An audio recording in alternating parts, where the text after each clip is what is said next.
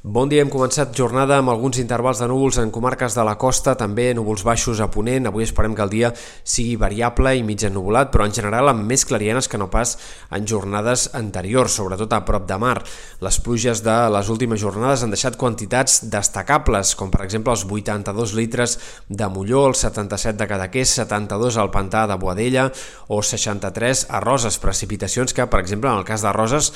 fan que aquest mes ja sigui el més plujós des de l'abril de l'any passat i en alguns casos, per exemple, el pantà de Bodella, eh, doncs des del novembre de l'any passat no plovia tant, per tant, precipitacions molt benvingudes en zones on la sequera estava sent especialment dura al llarg dels últims mesos. Avui els ruixats sí que poden afectar alguns sectors de les Balears, però també en aquest àmbit seran més esporàdics que no pas en dies anteriors.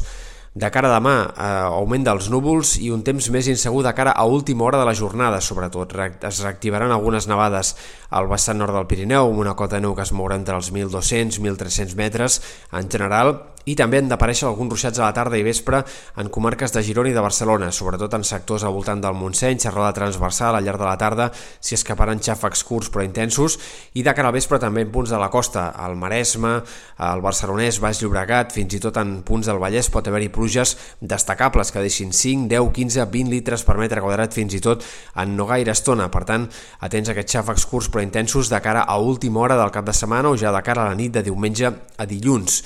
L'inici de la setmana que ve seguirà el temps variable, mig ennuvolat. És possible que la nit de dilluns a dimarts tornin a aparèixer alguns ruixats a la costa, sobretot a la Costa Brava, Costa Central, però sembla que seran més aviat precipitacions esporàdiques. A hores d'ara els models no apunten a gaires possibilitats d'una tongada de pluges tan abundant com la d'aquestes últimes hores, sí que les precipitacions però han de tornar a ser abundants a les Balears, on entre diumenge, dilluns, dimarts tornarà a haver-hi acumulacions de pluja importants, de més de 50 litres per metre quadrat en molts punts de Menorca, de Mallorca i segurament acumulacions altre cop superiors als 100 litres per metre quadrat en punts de la Serra de Tramuntana, on ja hi han caigut, en alguns casos, per exemple a Escorca, més de 400 litres per metre quadrat des que va començar la setmana. També hem de destacar la tramuntana, que reforçarà aquest diumenge, bufarà amb cops més forts que no pas avui de cara a demà,